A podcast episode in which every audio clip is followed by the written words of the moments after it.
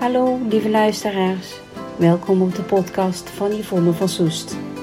De podcast waar ik graag informatie en ideeën met je deel voor als je net een beetje anders bent dan anderen.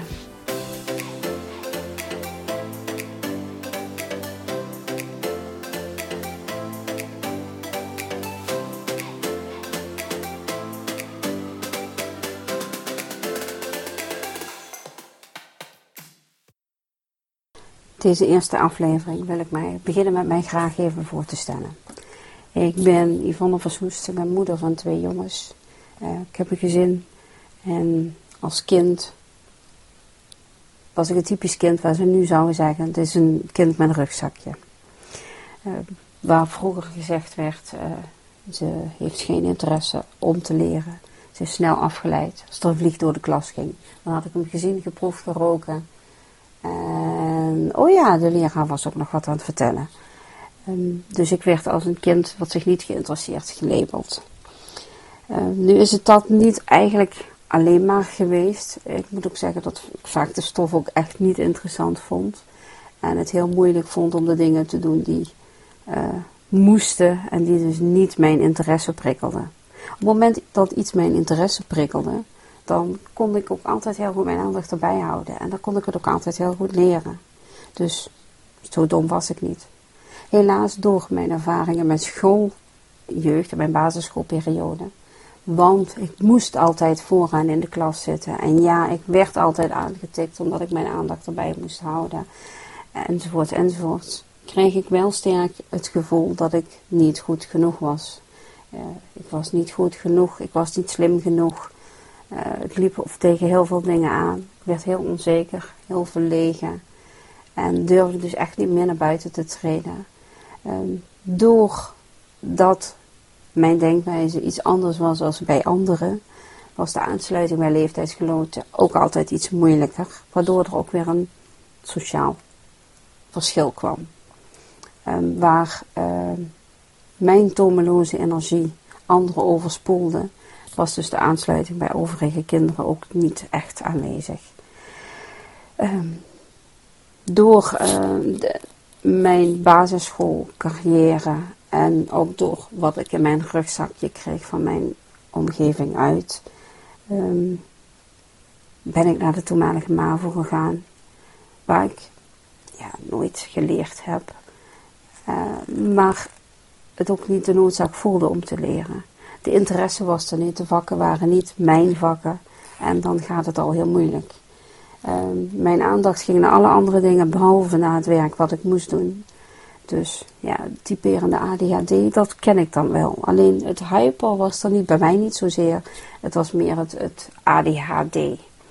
Um, ook wel een beetje het autisme herken ik in mijzelf, want heel veel patronen moeten altijd wel hetzelfde gaan.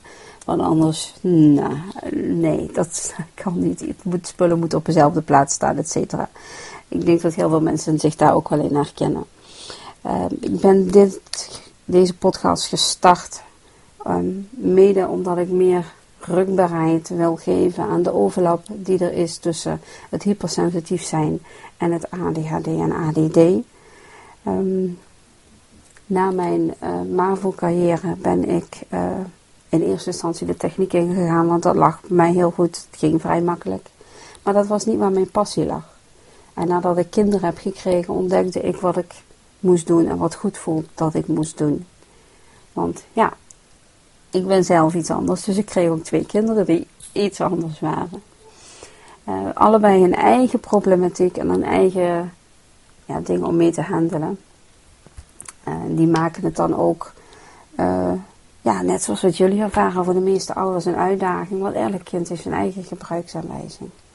Alleen als er dan het mooie labeltje ADHD, ADD, HSP, ASS, noem maar op bijkomt, dat maakt het nog een heel stuk zwaarder.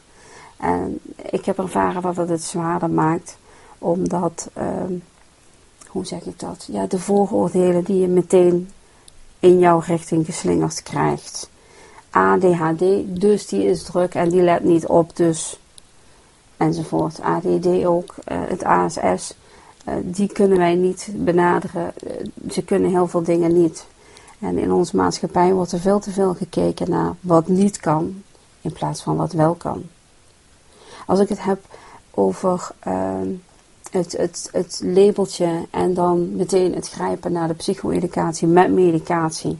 Terwijl ik denk van, in mijn opinie, er zijn nog zoveel meer dingen, zoveel meer handvaten waar je mee kunt gaan werken.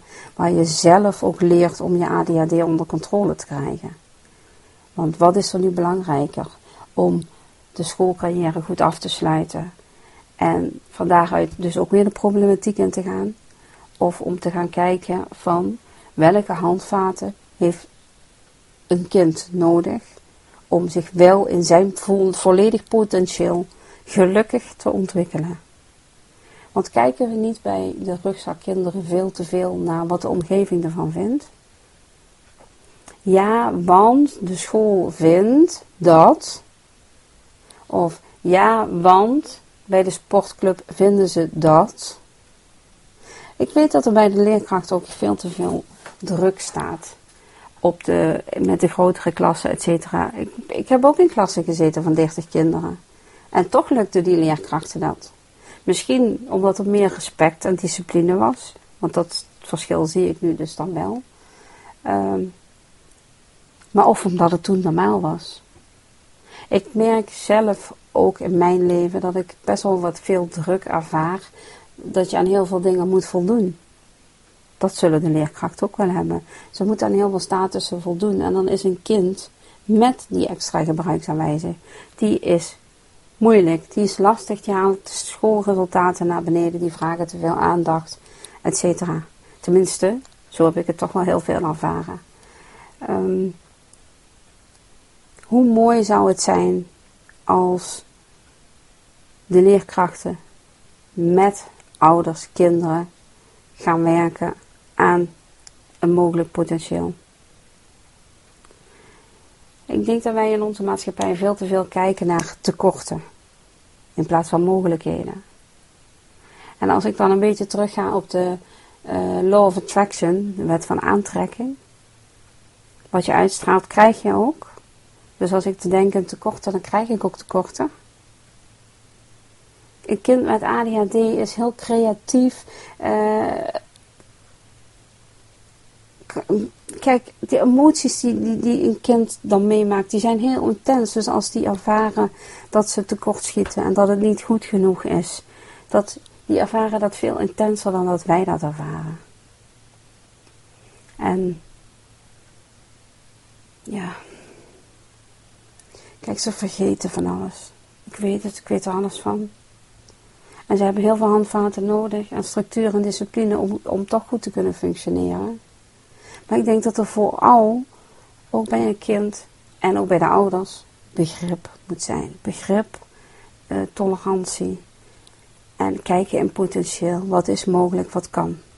Wat is echt daadwerkelijk mogelijk om, om uit een kind te halen terwijl het gelukkig is. ik ga niet zeggen dat medicatie niet goed is. De ene kind vaart er wel bij dan de andere. Wat ik heel belangrijk vind, is dat iedereen gewoon weer zelf aan het stuur komt, zelf de controle krijgt. Ook, de, ook als ouder zijnde van een kind met het rugzakje. Het is heel heftig, want je hebt gefaald. Ja, dat kan niet, hè, want je zit niet in de standaard. Maar hoe is die standaard er gekomen? Kijk, drukke kinderen waren er ook vroeger al al heel vroeger. Maar heel vaak werden dat juist de artiesten. Want ja, die hadden tomeloze energie. Die konden anderen wel van maken. Of de, de, hè, uh, of de schilders, of de kunstenaars, of noem maar op. Waarom moeten wij daadwerkelijk die kinderen gaan temmen? Waarom? Waar is dat voor nodig? Kijk, dat zijn gedachten die door mijn hoofd razen en die mij bezighouden. En ik ben eigenlijk wel heel benieuwd of er nog wel meer ouders zijn die zich daarmee bezighouden. Van waarom moeten we allemaal duizenden in een dozijn worden? De gekleurdheid in onze wereld maakt het toch mooi? Ja, tuurlijk maakt het het lastig. Maar iedereen is toch anders? Iedereen heeft toch zijn eigen gebruiksaanwijzing? Kijk, mij heeft het gedreven om weer te gaan studeren. Om te gaan studeren om mijn kinderen te begrijpen. Om, ehm, om de mensen om mij heen te begrijpen. En ik heb diverse natuurgeneeskundige studies gedaan. En ik werk daar nu ook uh, met de uh, energetisch-eclectische natuurgeneeskunde. Dat wil zeggen dat is Egyptische, uh, Chinese en Europese natuurgeneeskunde gecombineerd. In combinatie met coaching en gesprekstechnieken. Om te gaan kijken, wat heb jij nodig? Want dat vind ik belangrijk. Wat heb je nodig? Ik, kan wel horen wat die leerkracht nodig heeft. Maar wat heeft het bepaalde kind nodig? Hoe kunnen we daar naar kijken? Hoe kunnen we anders kijken naar het kind met ADHD? En ik weet het, ik krijg er ook af en toe een punt van, punthoofd van van mijn jongens. En ik denk, oh, ja, hoe ga ik hier ermee om? Wat ik veel voor mezelf gebruik, gebruik, werkt het wat ik doe? Nee? Probeer dan iets helemaal anders. Ik kon wel eens versteld staan van de werking. En daar bedoel ik mee als jij altijd uh, boos reageert op iets. Als je dan in één keer heel anders en open het gesprek bijvoorbeeld aangaat, waardoor het kind zelf aan het denken gezet wordt. Dat kan een heel andere uitwerking hebben, waardoor je uiteindelijk niet meer boos hoeft te worden. En werkt het niet, er zijn vast wel genoeg ideeën die je kunt bedenken. En kom je er niet uit, dan kun je altijd mij een mailtje sturen of een, of een pw'tje via Instagram of Facebook. En dan wil ik wel met je meedenken. Nou, het was heel griezelig die eerste podcast. En uh, ja, ik ben aan de 12 minuten gekomen, dus ik vind het al heel wat. Ik wilde een half uur ervan maken, maar ja, dat wie weet de volgende keer. Ik hoor graag van jullie onderwerpen waar jullie wat meer over zouden willen weten of waar jullie gewoon eens over gedachten willen verwisselen. En, maar voor nu hou ik er nu mee op en wil ik jullie bedanken voor het luisteren.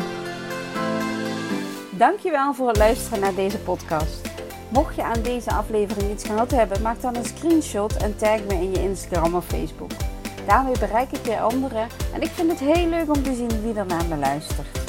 Bedankt en tot de volgende keer. Liefs Yvonne.